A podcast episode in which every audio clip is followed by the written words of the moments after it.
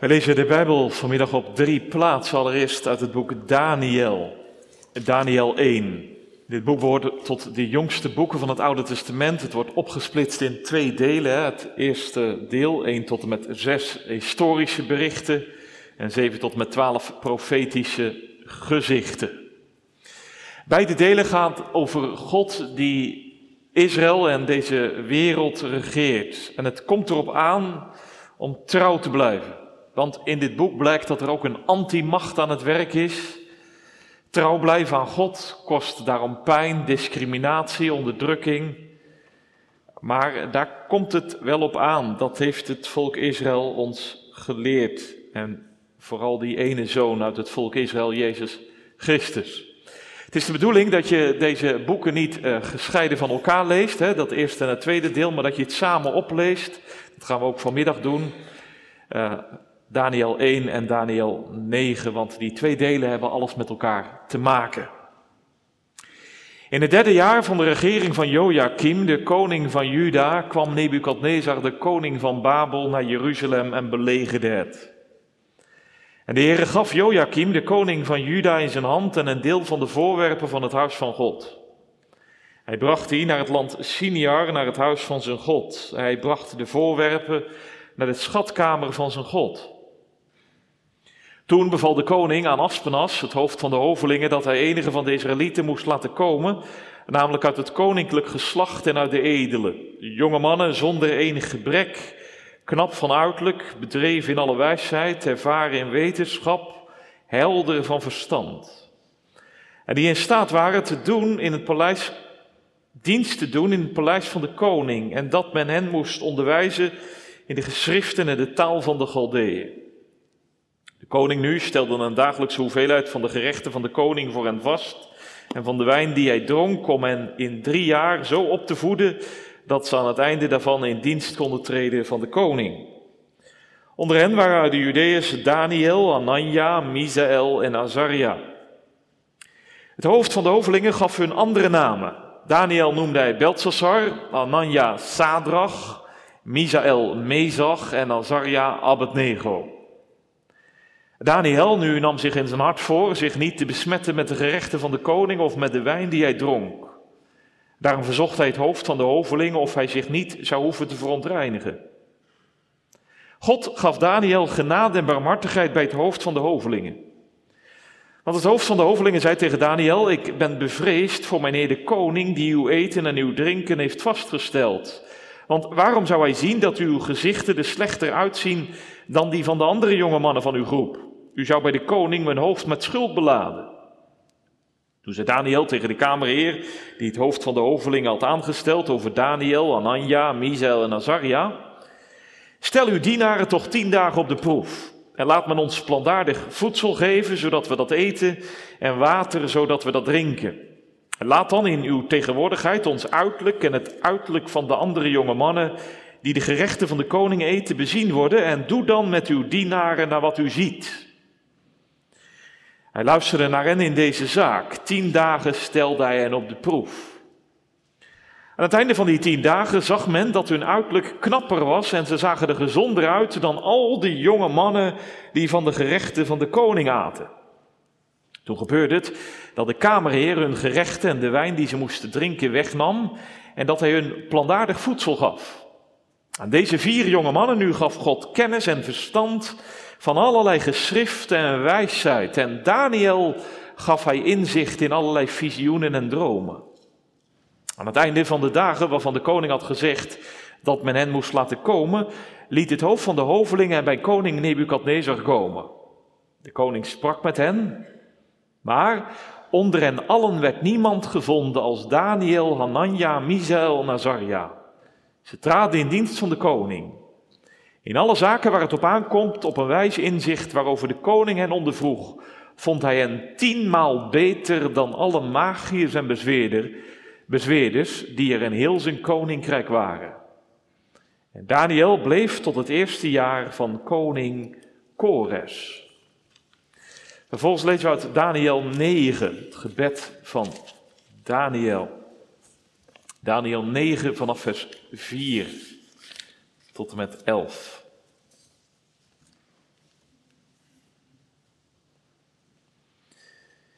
Ik bad tot de Heere, mijn God, en deed beleidenis en zei, och Heere, grote en ontzagwekkende God, die zich houdt aan het verbond en de goede tierenheid ten aanzien van hen die hem lief hebben en zijn geboden in acht nemen. Wij hebben gezondigd, we hebben onrecht gedaan, we hebben goddeloos gehandeld. We zijn in opstand gekomen door af te wijken van uw geboden en bepalingen. We hebben niet geluisterd naar uw dienaren, de profeten, die in uw naam spraken tot onze koning, onze vorst en onze vaderen en tot heel de bevolking van het land. Bij u, Heer, is de gerechtigheid, maar bij ons de schaamte op het gezicht. Zo is het heden ten dagen bij de mannen van Juda, bij de inwoners van Jeruzalem en bij heel Israël, bij hen die dichtbij zijn en die ver weg zijn, in alle landen waarin u hen verdreven hebt om hun trouwbreuk die ze tegenover u gepleegd hebben. Heren, bij ons staat de schaamte op het gezicht, bij onze koningen, bij onze vorsten, bij onze vaderen, omdat we tegen u gezondigd hebben. De Heere onze God is vol barmhartigheid en menigvuldige vergeving, hoewel we tegen hem in opstand zijn gekomen. We hebben niet geluisterd naar de stem van de Heere onze God om volgens zijn wetten te wandelen, die hij ons gegeven heeft door de hand van zijn dienaren de profeten. Maar heel Israël heeft uw wet overtreden en is afgeweken door niet te luisteren naar uw stem.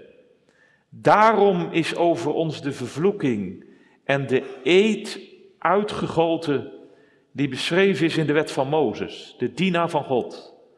Want we hebben tegen hem gezondigd. Vervolgens lezen we uit het Nieuwe Testament de brief van Petrus, de eerste brief van Petrus, vers 13 tot 21. 1 Petrus 1, vanaf vers 13.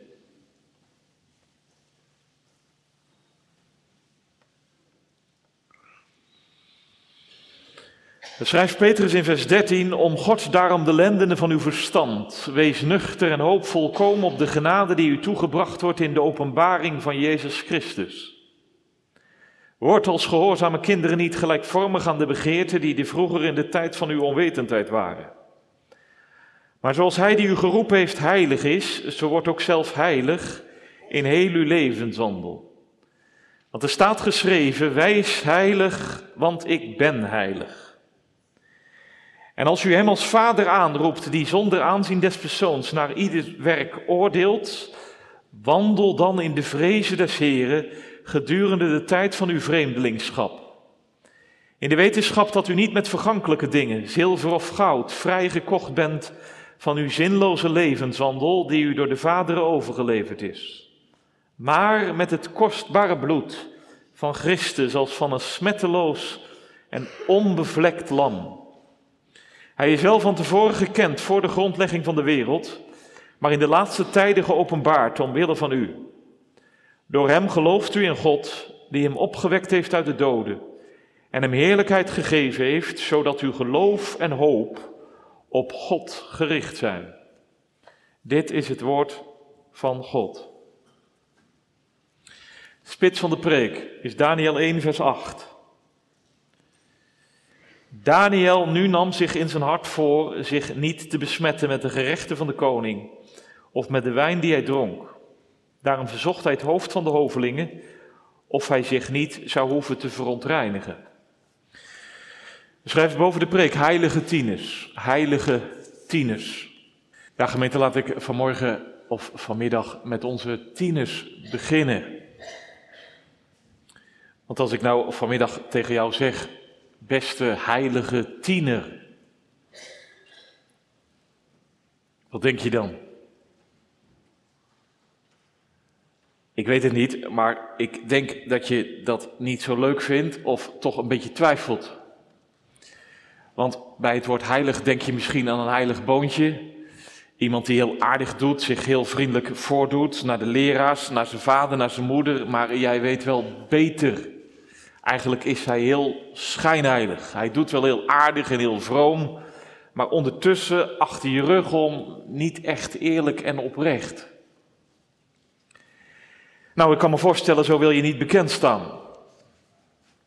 Maar dat bedoel ik vanmiddag ook niet. Ik hoop eigenlijk dat jullie heilige tieners zullen zijn en zullen worden.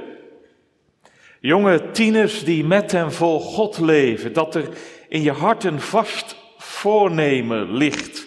Net als bij Daniel, hij nu nam zich in zijn hart voor. Dat je vast van plan bent om heilig voor God te leven, dat je anders durft te zijn. Ja, dat is misschien nog niet zo makkelijk voor je. Want je denkt, ja, straks lig ik eruit, straks zeggen ze, jij bent ook al zo'n saai heilig boontje geworden. Alleen dat is nog maar de vraag. Als jij een tiener wordt en bent die eerlijk en oprecht leeft voor God, als je eerlijk en oprecht bent naar je klasgenoten, dan kan God nog wel eens hele mooie verrassingen in je leven geven. Dat geloof ik echt. Ja, zeg je, maar u bent natuurlijk uh, dominee, dus u weet dat allemaal niet. Ik zit op een christelijke school. Alleen, ja, ik zit op dit moment, misschien, hè, misschien zeg je, ja, ik zit op dit moment tussen uh, leerlingen die niet echt met God leven.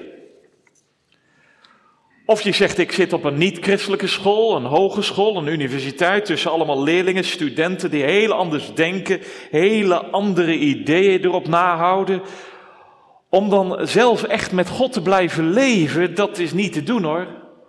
Zo'n saai leven.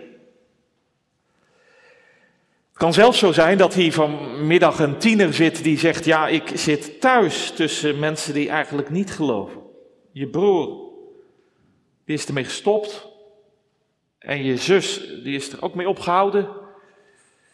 Je vader, je moeder leeft er eigenlijk ook niet echt naar. Ja, hoe kan ik dan zelf wel blijven geloven? Als zij het ook allemaal niet meer geloven. Nou, daar gaat de preek over. Als tiener geloven tussen mensen die anders geloven. Als tiener nee durven te zeggen. Als tiener anders durven te zijn.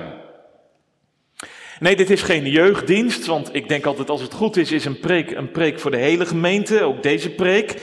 Want dit geldt natuurlijk niet alleen voor de tieners, dit geldt voor ons allemaal vanmiddag. Oud en jong, jong en oud. Want God zegt tegen ons allemaal, wees heilig, want ik ben heilig.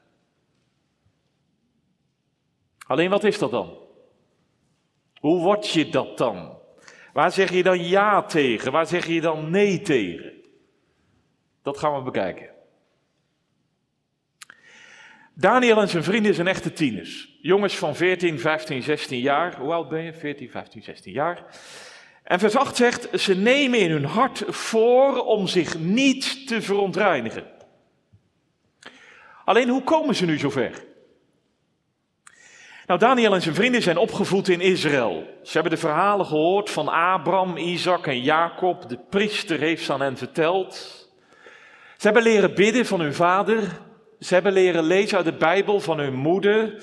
Ze kennen Gods geboden, ze kennen Gods beloften. Ze gingen elke zaterdag mee naar de synagoge. Joodse rabbijnen zeggen deze jongens zijn bar mitzwa geworden. Bar mitzwa, zoon van de wet, een soort geloofsbeleidenis. Ja, de boodschap is helder toch? Vaders en moeders, leer je kinderen Bijbel lezen. Leer je kinderen bidden, neem ze mee naar de kerk. Spreek over God en zijn dienst en leef zelf als een Daniel. Zodat je kind kan zien wat een Daniel leven is. Nou goed, Daniel en zijn vrienden zijn knappe jongens. Ze kunnen goed leren. Ze komen uit rijke families. Kijk maar in vers 4. Hè. Alleen Ineens werd alles anders.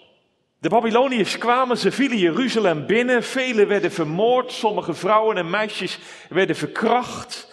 Heilige voorwerpen werden meegenomen uit de tempel, grof en lomp meegenomen naar Babel.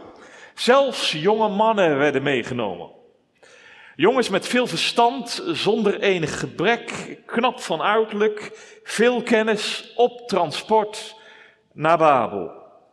Ook Daniel en zijn vrienden. Nee, ze komen niet in een concentratiekamp terecht. Ze worden niet te werk gesteld, zoals vandaag de Oeigoeren in China. Hè? Maar ze komen in een soort, uh, ja, een soort uh, wellnessresort. Mooie opleiding, heerlijk eten, leuke baan, Welkom in Babel. Iets van, eh, je krijgt een auto van de zaak, voor eten wordt gezorgd, je opleiding wordt betaald, een topfunctie ligt op je te wachten, je maatpak is alvast aangemeten en een dik salaris staat al voor je klaar. Ja, waarom doet Nebukadnezar dat? Nou, Nebukadnezar is bezig met een plan. Alle volkeren wil hij door elkaar heen mengen. Op den duur is dan alles Babel. Weet niemand eigenlijk meer waar die vandaan komt, wie zijn God is, wat zijn thuisland is. Dan hebben we straks één groot Babylonisch volk, één groot Babylonisch rijk. En laten we nou maar met de jeugd beginnen, want wie de jeugd heeft, heeft de toekomst. Ook Daniel en zijn vrienden moeten eraan geloven. Hun namen worden veranderd. Daniel, mijn God, mijn rechter is God. Hanania, genadig is de Heer. Misaël, wie is wat God is. Azaria, helper is de Heer. Schitterende namen. Nou ja, dat gaan we even anders aanpakken. Jij, uh, ja, jij, jij heet voortaan Beltsassar. Mogen de God Bel, de koning, beschermen. En jij, ja, jij heet Sadrach, dienaar van Marduk. Jij heet voortaan Mezach, wie is Achu? En jij Abednego, dienaar van Nego. Hoor je het? Namen vol van de goden van Babel, Bel, Achu, Marduk, Nego. Die naamsverandering vertelt aan deze jongens: jongens, vergeet het verleden, pas je aan, vergeet je God, die is dood, die heeft ook nooit geleefd. Want kijk maar, zijn tempel is ingenomen, er zijn nieuwe goden, leef nu voor hen. Daniel en zijn vrienden worden zelfs op school gezet. Niet op de Bijbelschool, maar op de Babelschool. Vers 4 zegt, ze krijgen onderwijs in de geschriften en de taal van de Galdeeën. Een topopleiding. Politicologie, diplomatie, bestuurskunde, sterrenkunde.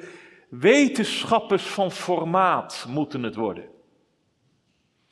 Het menu wordt zorgvuldig voorbereid. Vers 5 zegt een dagelijkse hoeveelheid door de koning vastgestelde gerechten, geserveerd met dure topwijnen. Nou, wat dacht je? Zou je dan blijven geloven? Zou je dan blijven geloven? Je wordt volgestopt met Babelwetenschap. Je ziet overal om je heen wat de goden van Babel kunnen. Volk na volk is intussen onder de voet gelopen, ook jouw volk. En alles schreeuwt om je heen. Die God van je opa en oma, die God van je pa en ma. Dat was een mooi verhaal, maar vergeet het maar met die God. Want wat zie je nou van hem? Waar zie je zijn macht? Het zwaard heeft het voor het zeggen. De strijdwagens krijgen de overwinning. De tempel ligt overhoop. Je land is ingenomen. En die verhalen die de priester vertelde op de zaterdagschool over Abraham, Isaac en Jacob, ja, wat moet je er nog mee? Die geboden en die voorschriften, waarom zou je ze nog houden? En zeg nou zelf, als jouw God liefde is, hè, waarom laat hij dan toe dat Jeruzalem is ingenomen? Waarom laat hij dan toe dat je hele volk is gedeporteerd? Voel je? Alles schreeuwt naar deze tieners. Dat hele geloof, houd er maar mee op. Gebruik je verstand, kijk om je heen. Want met die God van Israël is het gewoon klaar en over. Zeg eens, herken je dit? Jongens, herken je dit? Kan toch? Babel is ook vandaag heel dichtbij. Het kunnen zomaar jouw vragen zijn. Die God van opa en oma, die God van pa en ma, die God van de Bijbel. Dat zijn wel mooie verhalen en ik zit wel in de kerk vanmiddag natuurlijk. Ik ben de broedste niet. Maar wat zie ik daar nou van vandaag? Kerk na kerk wordt gesloten. Heel veel kerken, ja, hier op de Bijbelbelt gelukkig is het nog wel een beetje anders. Maar kerk na kerk wordt gesloten in ons land. En christelijke gemeenten krimpen, krimpen, krimpen. Vele haken af. Misschien je broer, je zus wel. En zeg nou zelf, is je broer, is je zus er echt ongelukkiger van geworden? Hebben ze juist niet veel meer vrijheid dan jij? Het gaat gewoon heel goed met hen. Natuurlijk, er zijn nog wel een paar stellige en zekere christenen. En ze praten enthousiast over God en de Bijbel. En, en, ze vertellen misschien wel aan je dat God iets in hun leven aan hen liet zien. En dat God echt via de Bijbel tot hen spreekt. En je hoort ze aan en je kijkt ze aan. En misschien denk je, ja, interessant, interessant. Maar ben je ook niet wat naïef? Is het niet iets wat je gewoon zelf bedenkt? Want op mijn opleiding, in mijn studie, onder mijn vrienden ja, zouden die paar christenen in ons land het dan bij het rechte eind hebben? Zou de rest dan allemaal ongelijk hebben? Trouwens, als God liefde is, waarom laat Hij dan al de ellende toe? In mijn leven, in deze wereld. Wat zie je en wat merk je nou van God? Wacht, stop. Kijk eens naar Daniel en zijn vrienden. Wat zien en merken zij nou van God? Zal ik het je zeggen? Heel veel. Heel veel? Jazeker. Want God zegt nergens in de Bijbel, gaat maar na, God zegt nergens, ik ben liefde en ga je gang maar. Ik zal jullie altijd beschermen. Ik zal alle lijden en ellende in jullie leven, jullie leven besparen. Ik maak jullie leven zo comfortabel mogelijk. Wat je ook doet, hoe je ook met me omgaat, dat hindert allemaal niks. Nee. Weet je wat God zegt? Hij zei het al in Deuteronomium 28. Hij zei: Israël, ik sluit met jullie een verbond in mijn liefde. En ik beloof aan jullie, ik ben ontzettend geduldig. Ik heb een hele lange adem. En ik zal ongelooflijk trouw blijven aan jullie.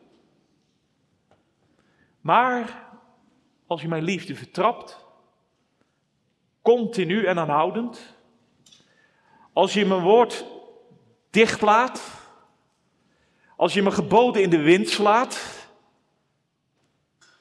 ja, dan zal ik jullie straffen. Dat doe ik met pijn in mijn hart hoor. Maar dan lever ik jullie aan de heidenen over. Zie je dat? Dat Daniel en zijn vrienden in Babel zitten, dat Jeruzalem is ingenomen, dat is Gods oordeel over de zonde. Kijk maar in vers 2, hè. Dat viel me op, hè. In vers 2 staat niet, de Heere liet toe dat koning Joachim door Nebukadnezar overwonnen werd. Zelf wilde de Heere dat wel anders, maar ja, het was nu eenmaal zo. Nee, lees goed, er staat, de Heere gaf. De Heere gaf, ontstellend, de Heere gaf koning Joachim in Nebukadnezars handen. God oordeelt. Hij is op zijn hart getrapt. Jarenlang waarschuwing na waarschuwing, profeet na profeet, maar het hielp allemaal geen zier. Israël en Juda gingen gewoon hun eigen gang. Daniel weet dat. En zijn vrienden weten dat ook.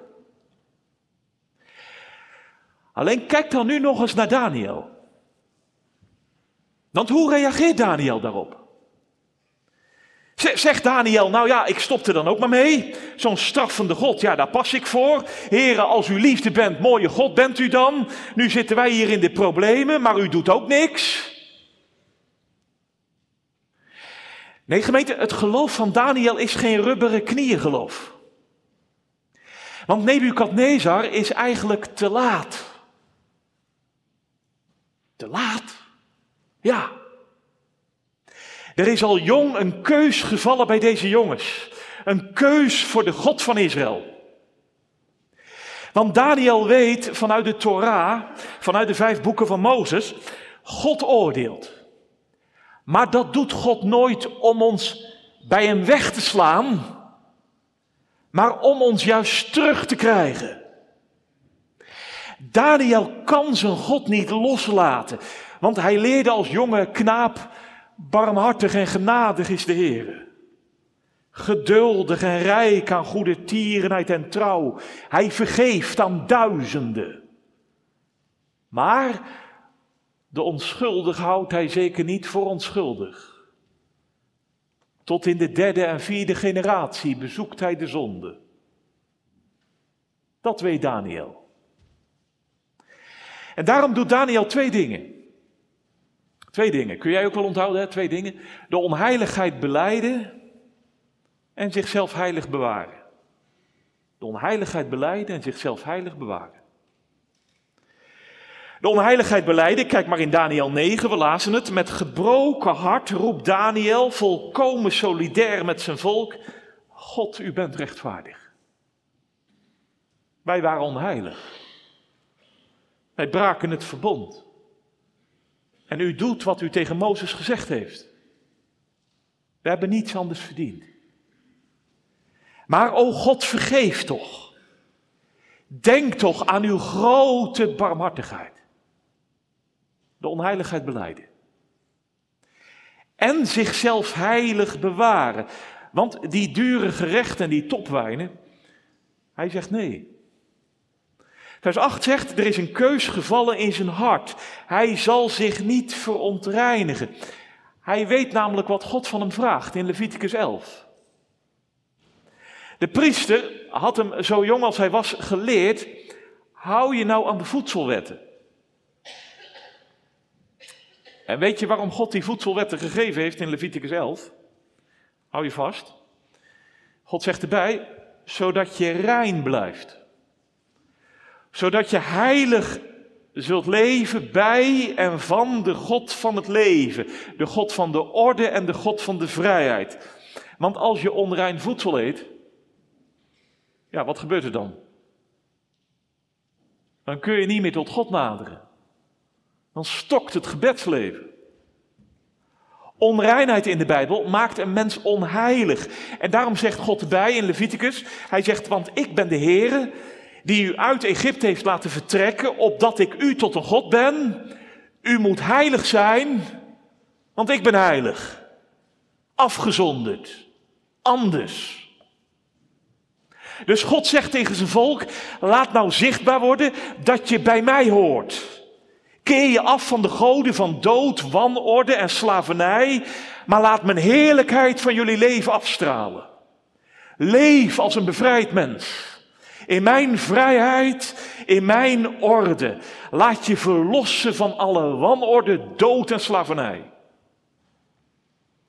Voel je? Daniel weigert zich te verontreinigen. Hij kent zijn God en hij weet wie hij is. Nee, dat vond ik heel mooi. Hè? Daniel doet dat niet grof en lomp. Hij gaat in gesprek en dat doet hij vol tact en wijsheid, maar ook wel heel duidelijk. Iets van, ja meneer, maar hier ligt mijn grens hoor.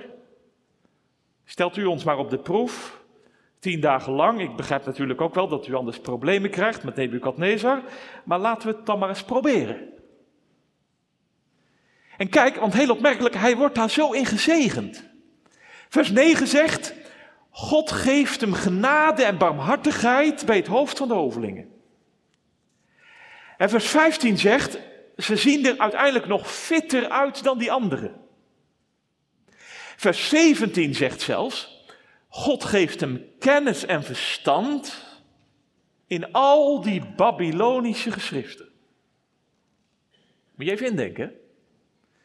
Ze staan dus midden in de wereld.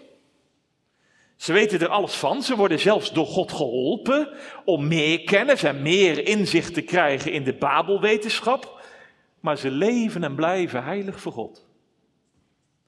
Daniel en zijn vrienden, ik vind dat zo ontroerend, die zijn daar aan dat hof in Babel met een zo diepe liefde voor God. Hun leven heeft iets van, heren, al gaan velen in Babel ten onder. Al trappen velen van ons volk u zo op uw hart. Al wordt u door velen van ons volk zo gekwetst wij kunnen het niet langer. U heeft al genoeg pijn moeten verdragen. Uw liefde vertrappen, dat verdient u niet, o God. Maar dat tere leven met u, dat geeft ons zoveel vrijheid. Gemeente, zeg eens, hoe is dat bij ons? Hoe is dat bij jou? Is er een keus gevallen in je hart? Zo jong als je bent. Ja, je zit vanmiddag in de kerk, fijn. Misschien ben je vijf jaar, uh, acht jaar, tien jaar. Heb je een Daniel leven? Als papa uit de Bijbel voorleest, hè? als mama met je bidt. Als je in de kerk komt vandaag, fijn dat je er bent. Want God wil ook aan jou, zo klein als je bent, geloof geven hoor. Dat is echt niet alleen voor grote mensen, maar juist ook voor jou. Daar ben je echt niet te jong voor. Zoals dat meisje, ze zei tegen haar moeder in de kerk: Mama, ik hou zoveel van de Heere God. Zeg je dat ook? Mama, ik hou zoveel van de Heere God. Want je bent gedoopt, hè? God heeft tegen jou gezegd: Jij bent van mij. Leef dicht bij mij. Heb mij lief met heel je hart. Verontreinig je niet. Blijf mij trouw. En ook als je ouder bent, hè jongens, misschien zeggen ze thuis dat je aan het puberen bent. En zeggen oh ja, je bent puberen. Maar, maar vertel eens, heb je een Daniel leven? Heb je een Daniel leven? Dat er iets in je leven is van, heren, al trappen velen u op uw hart. Al wordt u door klasgenoten misschien of anderen vaak zo gekwetst. Ik, ik kan het niet. Want u heeft al genoeg pijn moeten verdragen met al die lege kerken in ons land. En al die mensen, ook jonge mensen die het geloof aan de dijk zetten. Uw liefde vertrappen, dat hebt u niet verdiend, o God. Laat me toch leven in uw vrijheid. Is dat je leven? Is dat je leven? Want God heeft in het uur van je doop tegen je gezegd: Jij bent in Christus geheiligd, mijn kind. Ik ben jouw God hoor. Keer je af van de wereld zonder God en wandel in het nieuwe leven met en voor mij. Vertrouw mij nou met heel je hart. Verontreinig jezelf niet. Ja, zeg je, maar die voedselwetten, daar zit ik nog even aan te denken, maar ik mag toch alles eten? Dat is waar. Leviticus 11 is vervuld in Christus, maar de betekenis van de wet is niet afgeschaft. Want God zegt tegen de gemeente van Jezus in Venendaal: Wees heilig, want ik ben heilig. En weet je wat dat betekent? Dat betekent laat je reinigen door het bloed van Jezus. Continu en steeds weer. Zodat je heilig blijft voor God. Dat je niet leeft zoals Petrus schrijft in zijn brieven. Dat je niet leeft alsof alles zinloos is. Dat je eigen lusten en hormonen bepalen wat je wel doet en niet doet. Zoals de wereld om ons heen. Zo van, ja, veel zin heeft het niet, hè? Veel zin heeft het leven eigenlijk niet. Maak je nou niet druk als het gaat over seksualiteit, als het gaat over alcoholgebruik, over taalgebruik, eh, relaties die je aangaat. Joh, doe gewoon een beetje waar je goed bij voelt, hè? Maar zo word je onrein. Zo maak je het verbond met God stuk. Zo word je slaaf van doodsmachten. Daarom luister, jongeren en ouderen.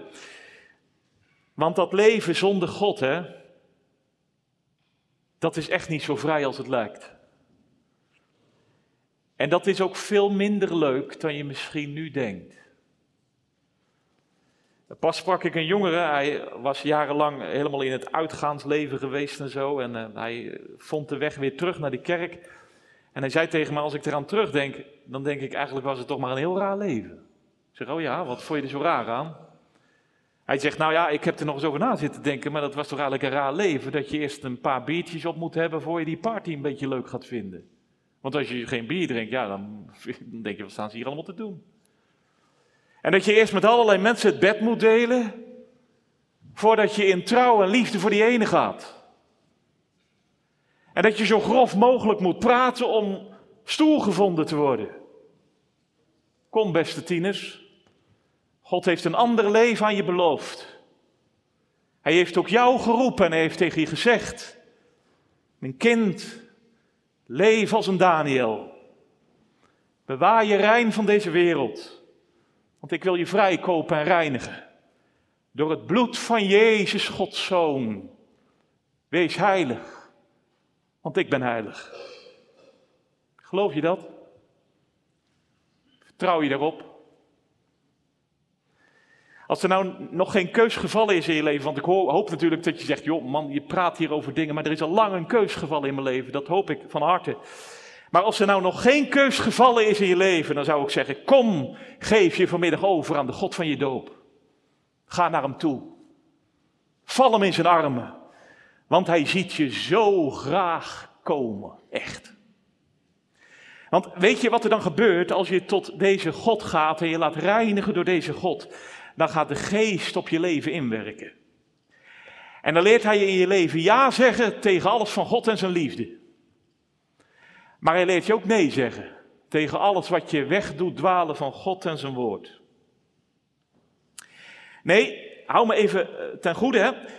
Dat betekent dus vanmiddag niet dat ik tegen jullie als jongeren en ouderen zeg, nou trek je maar terug uit de wereld, hè? trek je maar een beetje terug uit de wereld, ga maar niet studeren hoor, want uh, word je allemaal veel te slim en uh, ja, als je hebt gestudeerd, dan kun je het helemaal niet meer geloven. Blijf sta maar ver uit de buurt. Nee, nee, nee. Ga studeren als je de gave voor hebt. En slaag wat mij betreft cum laude. Net als Daniel. Hij slaagt cum laude op de Babelschool. Maar bij alles wat hij hoort en ziet in zijn leven, geeft de Bijbelschool uit zijn jeugd de doorslag. Zijn hart gaat uit naar de liefde van God omdat die sterker is dan de liefde voor Babel.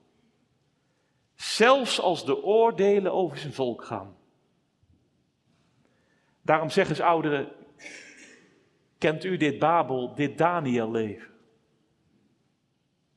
Kunnen de kinderen en de jongeren van de gemeente dit nou bij ons afkijken? Dat vraag ik ook aan mezelf hoor. Kunnen onze kinderen en jongeren dit bij ons afkijken?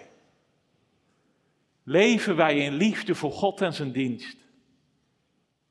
Voelen onze kinderen en onze jongeren, dat is heilig voor hem, voor haar. Daar nemen ze geen loopje mee. De dienst aan God hangt er bij hen niet bij, maar dat is hun leven. Mijn vader, mijn moeder, mijn opa, mijn oma, mijn oom, mijn tante, ze laten zich continu reinigen door het bloed van Jezus. En zo leven ze heilig voor Hem. Misschien zegt iemand vanmiddag, ik word er een beetje triest van. Want ik ging studeren of ik ging op mezelf wonen. Alleen ik ben ouder, een heel leven achter de rug. Maar als ik heel eerlijk ben, dat Daniel leven, dat ken ik eigenlijk niet zo. Dan ben ik blij dat je het ziet. Weet je wat je dan moet doen? Niet overheen leven. Dat is gevaarlijk. Als je Gods liefde vertrapt, daar kan God echt niet mee leven. Maar weet je wat je dan moet doen vanmiddag? Heel eenvoudig, net als Daniel, de onheiligheid beleiden. En je vanaf nu en voortaan heilig bewaren voor Hem. Want vandaag mag ik u aan u allemaal verkondigen het bloed van Jezus Christus, Gods Zoon, reinigt van alle zonden. Ook die zonde van uw jeugd. En zijn bloed geeft leven en vrijheid. Wegkruipend achter dat bloed ben ik heilig voor God. Gemeente maakt er gebruik van. En zeg vandaag heel eerlijk met dat gebed van Daniel: O God, u bent rechtvaardig. Ik was onheilig. Ik brak het verbond. Ik heb u toornig gemaakt. Ik heb straf verdiend. Maar o God, vergeef toch. Denk toch aan uw grote barmhartigheid. Leer me om mezelf heilig te bewaren voor u. Doe me leven van uw liefde. Laat me leven in de vrijheid van uw geboden en beloften. Jongens, dat is echt waar hoor. Dat leven in de geboden en beloften van God, dat is zo'n vrij leven. En geef me, o God, zulke vrienden als Daniel. En laat mijn vrienden worden als de vrienden van Daniel, zodat we samen heilig en in liefde zullen leven gaan voor u. Gemeente, zeg eens eerlijk, heeft ons land daar niet schreeuwend behoefte aan? Heeft Veenendaal daar niet schreeuwend behoefte aan? Jongeren en ouderen die midden in deze tijd en cultuur zoveel liefde hebben gekregen voor God. Dat hoop ik hè, vanmiddag. Dat je op die bank zit en dat je zegt, oh, wat heb ik een liefde voor deze God gekregen, man. Zoveel liefde voor God. Dat je vanmiddag heel stil voor je uitzegt, oh God, al trappen velen in ons land u zo op uw hart. Want dat is toch waar, hè? Ik ben nu een tijdje in Zoetermeer, 127.000 inwoners. 3% amper naar de kerk. Al trappen velen in ons land u zo op uw hart. Door de God van hun pa en ma, door de God van hun opa en oma, gewoon naar de dijk te zetten. Heren, ik ben niet beter. Maar uw liefde negeren en vertrappen, dat hebt u niet verdiend. Dat hebt u echt niet verdiend. Want alleen bij u is leven, orde en vrijheid. Schenk me daarom een Daniel leven. Omwille van Jezus, uw lieve zoon. Ja, dan leeft een gemeente heilig voor hem. Voor de God en Vader van Jezus Christus. Die ook vandaag, gemeente, echt waar, die ook vandaag onze liefde dubbel en dwars waard is. Amen.